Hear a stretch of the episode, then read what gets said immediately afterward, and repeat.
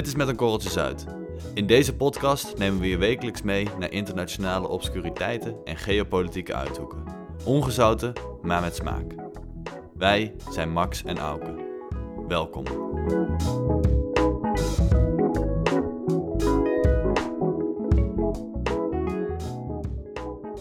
Misdaad en straf, dat boeit ons allemaal. Maar hoe gaan we om met mensen die zich niet gedragen? Wat is een gepaste behandeling voor de IS-vrouwen die terug naar Nederland willen komen? En wat is het lot van hun kinderen? Dat zijn allemaal essentiële vragen die onze moraal op de proef stellen.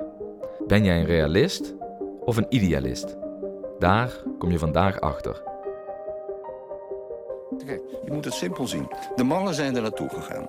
Die vrouwen komen het kielzog. Die mannen, daar zijn ze vaak binnen drie dagen mee getrouwd. Man dood, volgende dag nieuw man. Zo werkt dat. Het zijn gewoon fabriekjes, voortplantingsfabriekjes. En die mannen, dat zijn allemaal niet al te slimme types. Dat zijn geen ideologisch ingerichte mensen. Die hebben vaak al een criminele status opgebouwd hier in Nederland. En die gaan naar dat sadistisch universum... want dan kunnen ze, zonder dat de Nederlandse wet er iets in de weg legt... moorden en wat ze nog meer aan vrijpostigheden nodig hebben.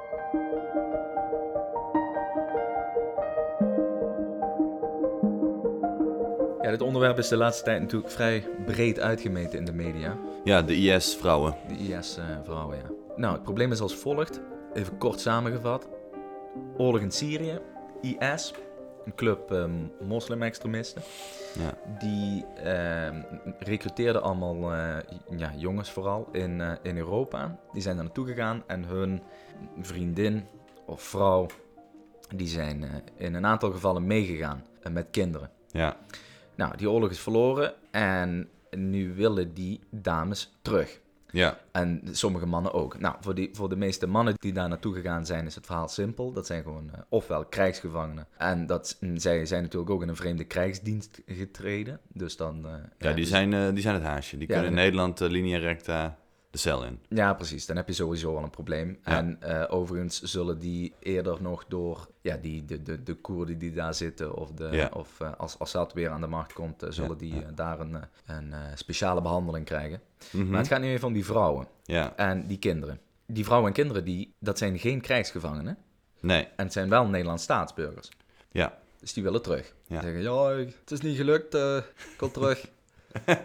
Ja. Nou, waarom willen ze terug? Omdat Nederland natuurlijk, en dat weten zij ook, eh, want dat is eh, waarschijnlijk ingefluisterd door een of andere advocaat, dat wij zijn natuurlijk het braafste jongetje van de klas. Wat betreft het, het waarborgen van iedereen zijn eh, recht, et cetera. Ja. Ja. Wij hebben natuurlijk geen zin in het terughalen van allerlei dames met een gedachtegoed dat totaal niet rijmt met wat wij top vinden. Nou, Ja. dan staat een rechtszaak. De staat, VS, de IS-vrouwen. Ja. Daar is op 11 november een uitspraak over gedaan. Mhm. En die hield in dat Nederland actief toch die vrouwen moet terughalen met kinderen. Ja, maar ja, het mooie is, niemand heeft, daar, niemand heeft daar zin in. En dit is ook niet, voor zover ik weet, enige punt van discussie van, van, bij, bij enige politieke partij. Er is niemand van, de, van, link, van SP tot aan PVV die eh, van mening is dat het echt ehm, een fantastisch plan is om die vrouwen terug te halen. Iedereen vindt die vrouwen echt Ja, weg. Laat ze daar alsjeblieft. Maar Ja. de, rechter zegt: luister, wat jij wil is, staat los van wat er wettelijk moet. Die Ja. vrouwen moeten teruggehaald worden. Nou, dit zit nog anders. Ja, het klopt inderdaad dat alle partijen van links tot rechts, van de SP tot de PVV zeggen, ja goed, die vrouwen, het zou wel fijn zijn als dat ons eh, eh, politieke pakje niet aan was en dat wij die gewoon eh, daar konden laten. Maar het gaat in deze natuurlijk ook om die kinderen. Ze hebben er allemaal kinderen mee naartoe genomen of daar gekregen. En wij hebben gewoon het eh, verdrag in zaken de rechten van het kind getekend en geratificeerd. Dus wij, eh, wij moeten ons wel eh, gedragen naar, die, naar, naar dat verdrag. Maar hierover is wel nog een beetje verschil, want de regeringspartijen die zeggen, ja goed, die kinderen, dat is hartstikke vervelend. En we weten ook wel dat we dat verdrag hebben, maar dat kunnen wij gewoon in het teken van de nationale veiligheid, kunnen we dat risico niet nemen door die kinderen die eventueel dan misschien gehersenspoeld zouden zijn, terug naar Nederland te brengen. Eh, met alle eventuele gevolgen van dien. En daar zijn de linksere partijen, of de linkse partijen, laat ik het zo zeggen, die zijn het daar eh, niet mee eens. Maar tien dagen later, na, of volgens mij op 22 november, ik weet het even niet eh uit mijn hoofd, Ja. heeft de, is in hoger beroep bepaald dat de staat niet actief die vrouwen hoeft terug te halen. Ah, chill. Ja, chill. Nu is het hele punt in dit ding dat het niet zozeer om die vrouwen gaat, want die vrouwen kunnen volgens ons, eh, ons kabinet natuurlijk gewoon de moord stikken. Mhm. Maar het gaat om die kinderen. Ja. En er zijn ook om kinderen en die kinderen zijn niet verantwoordelijk voor de daden van hun ouders en het zijn Nederlandse staatsburgers, et cetera, Ja, die moeten ja, teruggehaald worden. Ja. En is die uitspraak nu tot nu toe de laatste? Dat is tot nu toe de laatste, ja. Ja, ja, ja. ja, en ik las dat het wel een probleem is als die, als die vrouwen en kinderen gewoon hè, op eigen houtje besluiten om toch eh, richting Nederland te komen. Mhm. Desnoods lopend via de Balkan zo terug Nederland in. Mhm. Ja, als ze aankloppen bij de grens, dan moet je ze wel binnenlaten. Je kan ze niet weigeren. Nee, ja, dat zijn gewoon Nederlanders, hè. Ja, ja, ja. Maar goed, die draaien dan wel linea recta de bak in. Dat, dat is, eh, Maar goed, bewijs maar eens een keer wat die mensen daar nou precies gedaan hebben. ja dat is lastig. Nu ontstaat er dus een discussie van... we gaan onszelf toch niet in de vingers snijden... door allemaal van die gebrainwashed uh, randenbielen terug te halen. Mhm. Dat is zeg maar één eh, mening. Ja, ja, ja. Laat ze lekker daar. Maar andere mensen, veel, veelal de specialisten op dit gebied... die zijn de mening toebedeeld dat je die mensen wel degelijk terug moet halen. Eén, omdat je anders niet hun mensenrechten kunt waarborgen. En dat vinden wij hè, als Nederland belangrijk. Dat ze daar niet de doodstraf krijgen, weet ik veel wat... in Mhm. allerlei kampen zitten en zeker niet die kinderen. Mhm. En omdat iedereen gewoon recht heeft op een eerlijk proces. En omdat wij daar niet, eh, de- omdat wij daar geen grip op hebben, maar het zijn wel Nederlanders, moeten we er in ieder geval voor zorgen dat zij gewoon eh, in Nederland worden berecht. Nou, dat, zijn een dat, is een beetje de, dat is een beetje hoe Nederland omgaat met dat probleem. Juist. En Nederland is over het algemeen wel het, ehm, ja, wat we net al zeiden, braafste jongetje van de klas, die, ja, die toch de internationale wetgeving Precies. ehm Altijd, eh, na wilt leven. ja, Nederland, die, die de internationale wetgeving hoog in het vaandel heeft staan, laten we het zo Juist, zeggen. juist. Maar er zijn ook andere landen, vrienden van de podcast, daar komen ze weer, de Amerikanen, ja, die hebben daar eh, dikke scheiden aan. Ja, die hebben daar over het algemeen lak aan.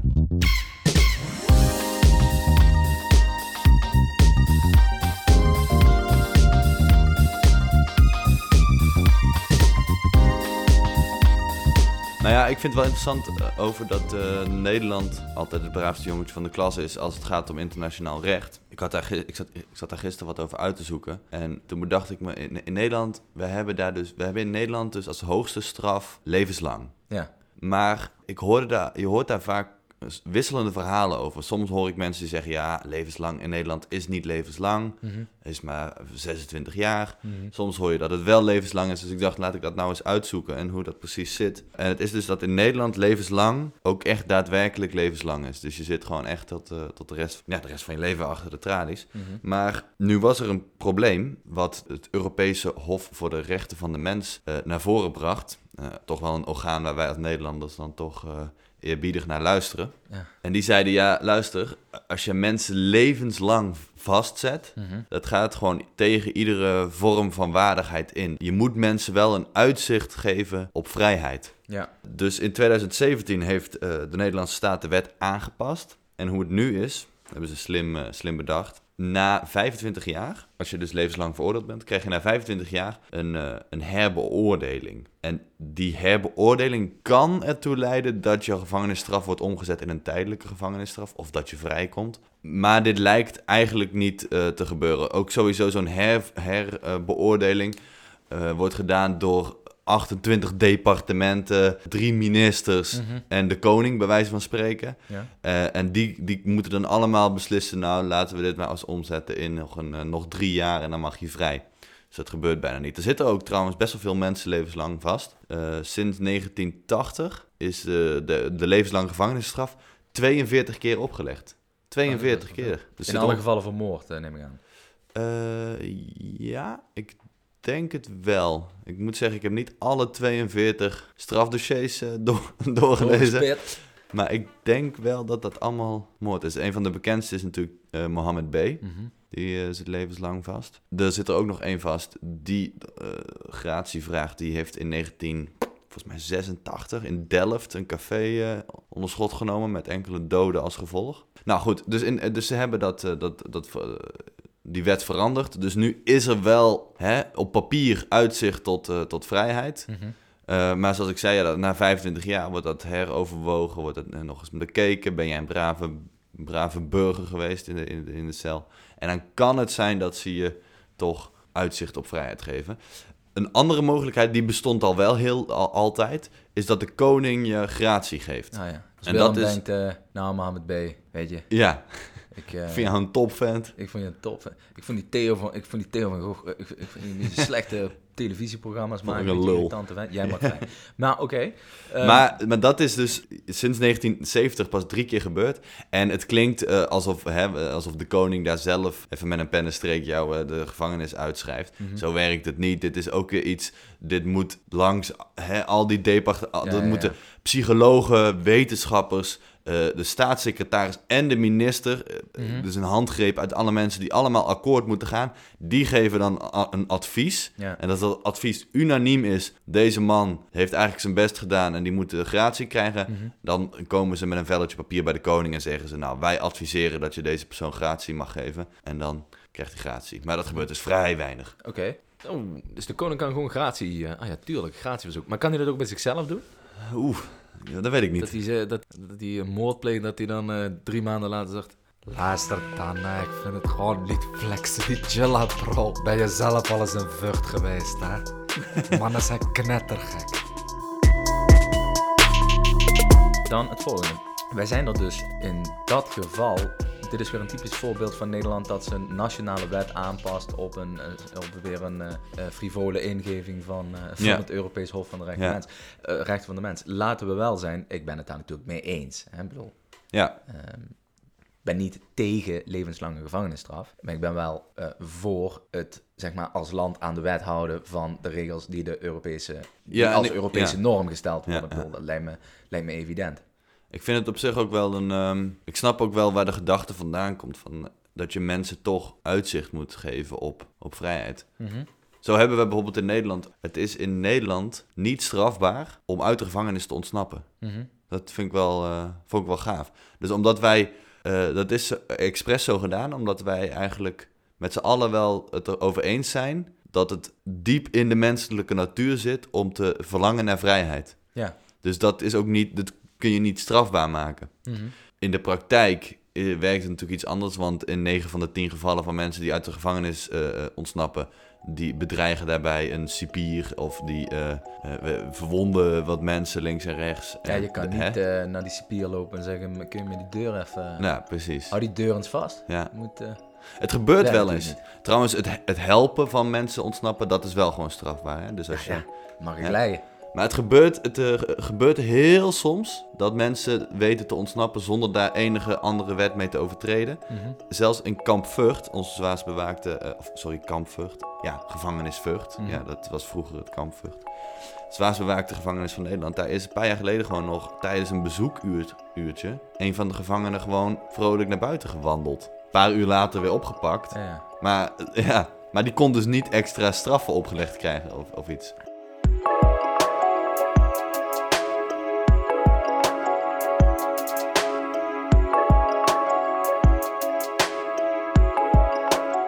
Daar waar wij ons altijd netjes eh, conformeren aan wat, wat we als internationale gemeenschap eh, graag zouden zien. Hebben we natuurlijk andere landen die zeggen, jongens, eh, dank je de koekoek. En wij Mhm. doen lekker ons eigen ding. Ja. Zoals daar zijn, Amerika, bijvoorbeeld. China, Rusland, Saudi-Arabië, denk ik. Mhm. Het zijn geen kleine jongens. Nee, nee, die hebben niet zo'n boodschap aan al dat internationale recht of wat dan ook. ja. Nee, wat, nee, dat klopt. Die hebben daar inderdaad geen boodschap aan. Het internationaal hof is opgericht eh, met het verdrag van Rome. ja, Het internationaal strafhof, moet ik zeggen. dat in Den Haag staat dus. Ja, nou, China deed eh, van een, meet af aan al niet mee. Die zeiden al meteen, eh what's anima? Met andere woorden, ja, flikker maar op met je zooi. Ja. En ehm, vrij vertaald wel hoor.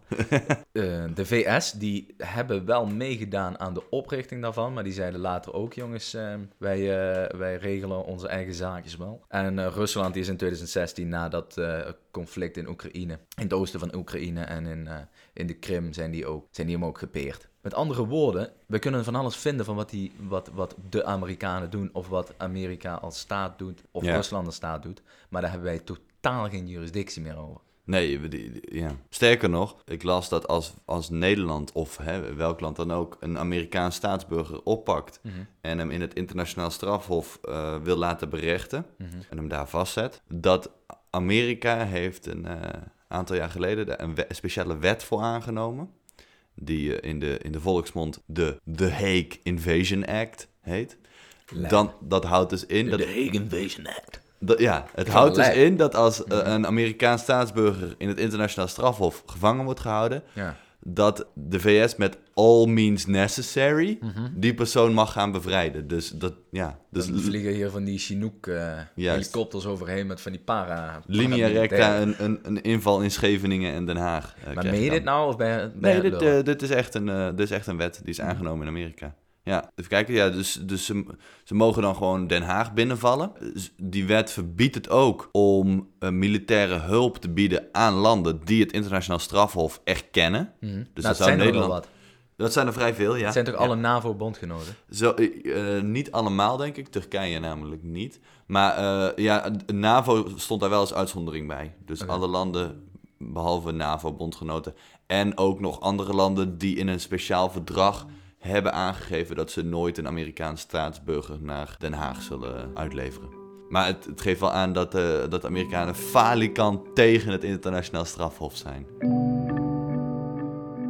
Dus niet per se het braafste jongetje van de klas daar. Nee. Ja, want toen zag je bijvoorbeeld dat het internationaal strafhof toch wel de intentie toonde, of eh, het wel, de welwillendheid om oorlogsmisdaden in eh, Afghanistan te gaan onderzoeken, Mhm. van welke partij dan ook. En toen heeft, destijds was het volgens mij Bolton nog, daar toch eh, linea recta eh, van laten weten van, eh, dat zien wij niet zitten. Ga, ga in godsnaam geen, geen oorlogsmisdaden onderzoeken die in Afghanistan gepleegd zijn. Mhm. Want hè, de VS weet natuurlijk wie daar dan als schuldige naar boven komt drijven. Ja. Ja, ja, ja. En zo simpel is het dus, blijkbaar gewoon. In ieder geval voor de landen die in de Veiligheidsraad zitten.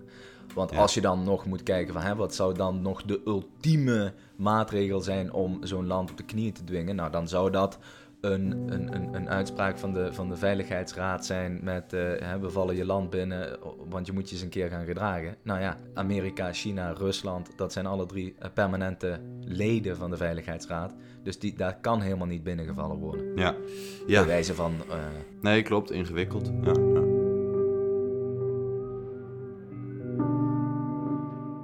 Nog een ander voorbeeld van hoe eh, Amerika toch wel de internationale wetgeving of internationale verdragen enigszins aan zijn laars lapt, is het bekende voorbeeld Guantanamo Bay. Want eh, Guantanamo Bay is dus die gevangenis die op Cuba staat. Mijn vraag gaat over een plek waar ik nog nooit geweest ben. Wauw, geweldig. Gezellig daar. Allemaal oranje mannen zeg, met baarden. Beter dan in China. Maar wat weet u over Guantanamo Bay? Guantanamo Bay. Guantanamo Bay, wat weet u daarover? Oh my god, Guantanamo Bay. Guantanamo Bay, Guantanamo Bay, Guantanamo Bay.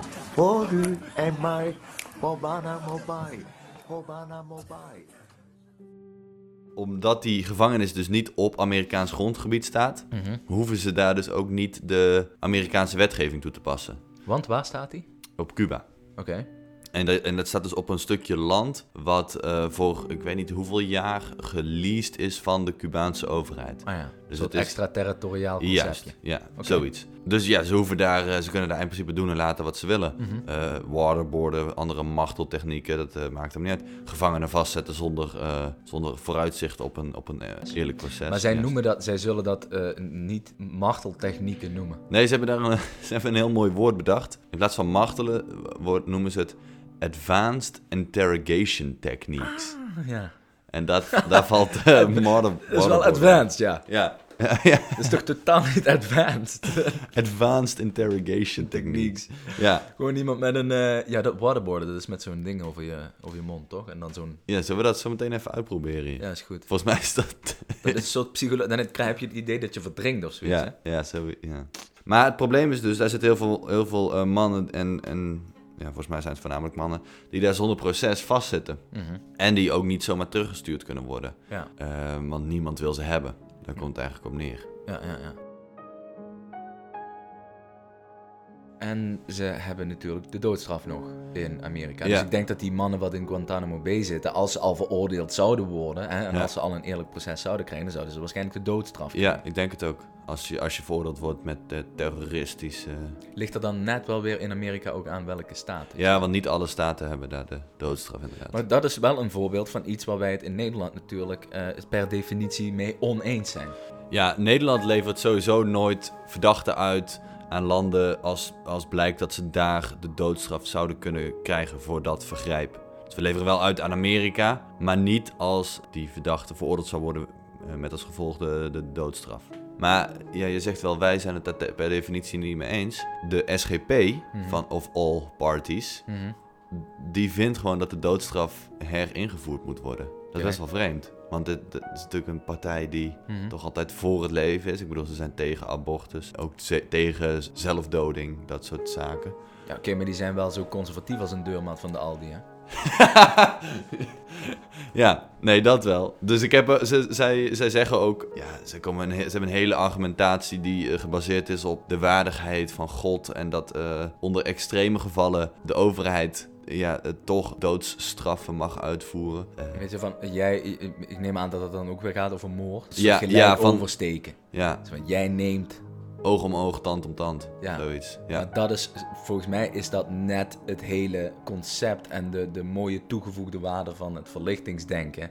Dat Ja. dat oog om oog, tand om tand concept Dat- dat- uitgefilosofeerd is. Ja, uitgefilterd is. Want Ja. daar, daar draait het natuurlijk helemaal niet om. Juist. Want ja, het, het gaat in het recht natuurlijk helemaal niet over gelijk oversteken. Eh, ja, maar we proberen toch altijd wel met een soort gelijke maat te, te meten. Ik bedoel, er is natuurlijk, het is heel logisch dat een, eh, een winkeldief niet dezelfde straf krijgt als een seriemoordenaar. Dus Nee, we- dat klopt. Maar die, die straf moet wel rationeel zijn, niet emotioneel. Ja. ja, maar zij zeggen gewoon, ja, het, het doden van iemand, dat is eigenlijk het allerzwaarste wat je kan doen. Dat is het allerheftigste. Mhm. Dus dat het dient ook met alle, allerzwaarste straf bestraft te worden. En wij hebben nu zoiets van, nou ja, stel zelfs als je het allerheftigste doet, hè, het doden van tien mensen, dan krijg je wat ons betreft de heftigste straf. Maar dat is niet het doden van, van iemand, maar dat is het levenslang eh, in de gevangenis zetten. Sowieso denk ik dat dat ook een veel heftigere straf is. Iemand levenslang in het gevangen eh, gooien. Ja, Zowel, ja, Misschien een spuitje, ben je klaar hè? Bedoel, ja, Anders zit je nog 50 jaar van je leven weg te kwijnen tussen zes muren. Tussen Ja. vier muren.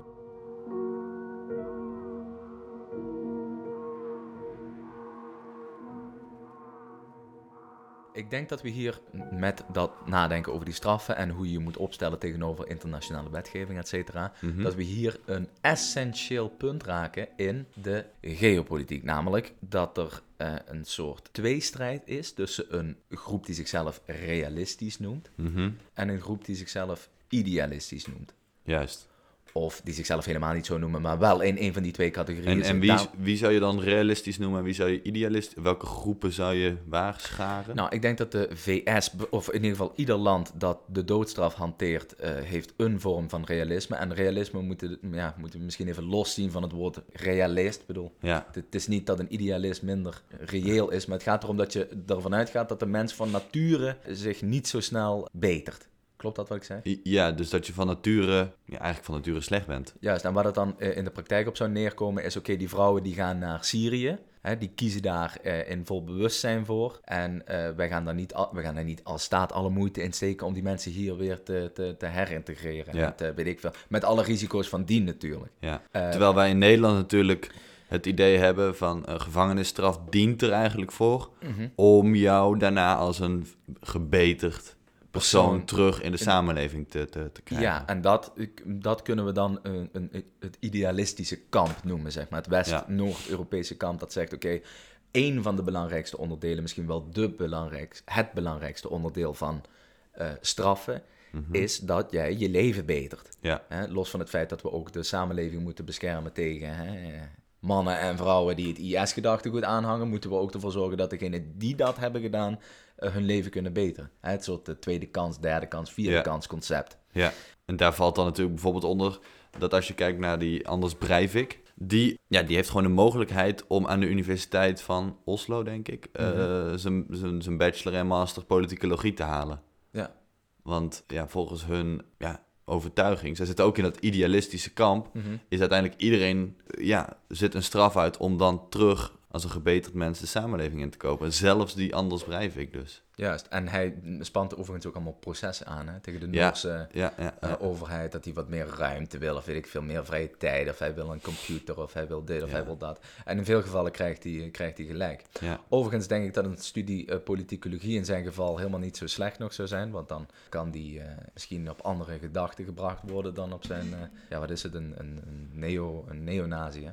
ja. Self-proclaimed neonazi. Een monster. Je... Hij had ook, wat ik wel, hoe zeg ik het ehm, correct? Ja, zijn, zijn argumentatie voor, voor, voor die gruweldaad die hij in 2011 gedaan, gepleegd heeft, is wel een interessante, natuurlijk een compleet idiote en geschifte. Maar wat hij eigenlijk zei, als ik het heel even in, in, in twee zinnen samenvat, eh, Mhm. in mijn eigen woorden, dan komt het erop op neer dat hij eigenlijk zei, als je terug in de tijd kon gaan, naar eh 19, eh, wat zal het zijn, eh, 1910. Mhm. En eh, daar zat baby Hitler. Nou, dan Mhm. moet je trouwens iets verder terug in de tijd. Maar goed, eh, je kan terug in de tijd naar het moment dat Hitler een baby was. Ja. Ehm, ja, zou je hem dan omleggen? Zou je Ah, hem dan doodmaken? Ja, veel mensen zouden zeggen, ja, dat is top. Dan heb je Hitler vermoord. En, eh, nou, dat is eigenlijk zijn argument om aan te geven waarom hij die gruweldaad gepleegd heeft. Want zij waren van een, een Ze waren van een politieke partij. partij. Politieke beweging, oké. En Ja, hij en dacht, hij als zij zei- later aan de macht komen, dan hebben wij een probleem. Juist, dat is eigenlijk, ja, kijk, het is natuurlijk totaal idioot als argument, want je kan dat, ja, kun je niks mee. Mhm. Maar dat is eigenlijk zijn argument, ja, van ik heb eigenlijk de, de, de baby Hitlers van de toekomst vermoord. Ik moet zeggen, ik ben het er wel mee eens hoor. Eh, Ik vind dat niet aan het lijntje houden als je iemand eh, gewoon eh, toch, ook al heeft hij een misdaad van dit kaliber gepleegd, toch probeert eh, enigszins op een humane manier eh, te blijven benaderen. Ja, dit is wel, ik vind dit wel een lastig, omdat dit wel echt, dit, dit grenst gewoon wel, dit is wel, wat hij gedaan heeft, is wel echt, echt de grens van, ja, wat, wat- dit gaat gewoon zo ver buiten iedere andere misdaad. Mhm. Dit is. pff, ja, dat, dat, je, dat Ja. het echt heel, heel moeilijk is om daar nog enige vorm van ja, menselijkheid in te zoeken bij hem.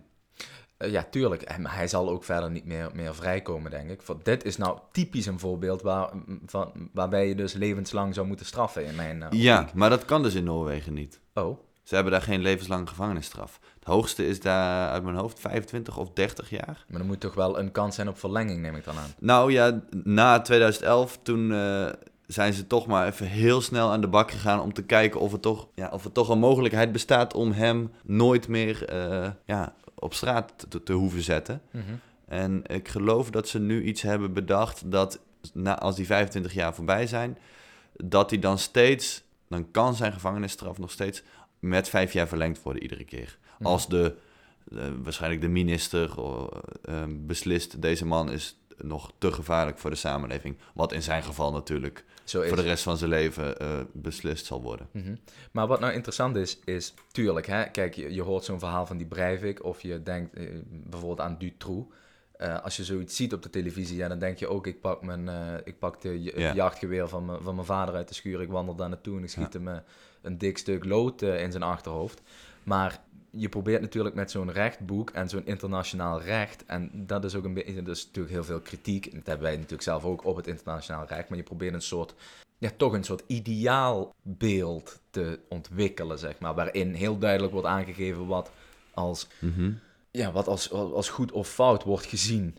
Snap je wat ik bedoel? Ja, ja, ja. Maar ik denk dus, eh, wat, eh, wat we net zeiden, dat je dus dat realistische kamp hebt eh, in Amerika, waar ze je gewoon... daar, kunnen ze, daar hebben ze in Amerika, dat is ook wel grappig. Mhm, Grappig.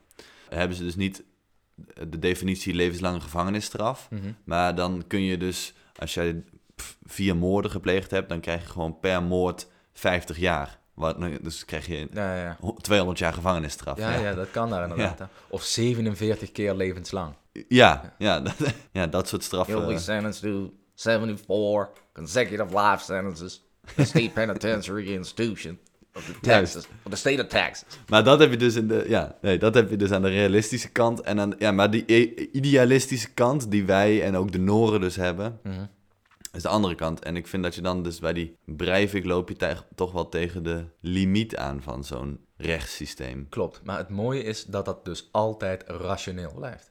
En niet emotioneel. Nou ja, Kijk, ze hebben, ze hebben toch bij die Breivik wel, wat ik net zei, de, de, de wetten weten aan te passen zodat hij nooit meer vrij kan komen. Terwijl eh, je kan ook zeggen, nou, als je heel rationeel bent, dan zetten we die man 25 jaar vast. Dan gaan we ons uiterste best doen met, met 20 toppsychologen, psychiaters, artsen, niet sociologen, om hem, om hem eh, toch weer klaar te maken om in de samenleving te Nee, komen. maar dat vind ik niet rationeel. Dat is ook het punt. Realisme doet dus, eh, dat woord doet vermoeden dat dat heel reëel is. En dat idealisme, dat dat een soort, een soort utop, utopie-denken is. Ja. Daar waar je het een beetje anders moet zien. Eh, Dat die idealistische gasten, die zijn ook natuurlijk reëel. Alleen die hebben net een ander, die zijn ook rationeel. En die, die weten ook dat die Andries Breivik, dat dat een, een redelijk moeilijk verhaal wordt om die man nog terug in de samenleving te brengen op een normale en verantwoorde manier. Maar daar is iedereen zich van bewust, of je nou in het realistische kamp zit of in dat idealistische kamp. Ja, Het gaat gewoon even over de gemakzuchtigheid van straffen. Het is niet zo makkelijk dan iemand ter dood veroordelen. mhm. ja. ja. Hier, je hebt een moord gepleegd. Nou, kijk naar het wetboek. Moord, hier, pats, kogel in je hoofd. Doei. Wat hebben we toch goed? Maar het kan altijd beter en dat zeg ik in alle seriositeit, want jullie kunnen ons helpen. Als je dit een mooie podcast vindt en je vindt ons twee fijne jongens, dan kun je ons financieel steunen door jullie petje voor ons af te nemen. Dat kan op www.petje.af slash korreltjezuid. Dat is www.petje.af slash korreltjezuid. Daar kunnen jullie een kleine donatie doen. En dat kan met Ideal of met creditcard of eh, whatever. Het zou ons geweldig helpen. Dankjewel.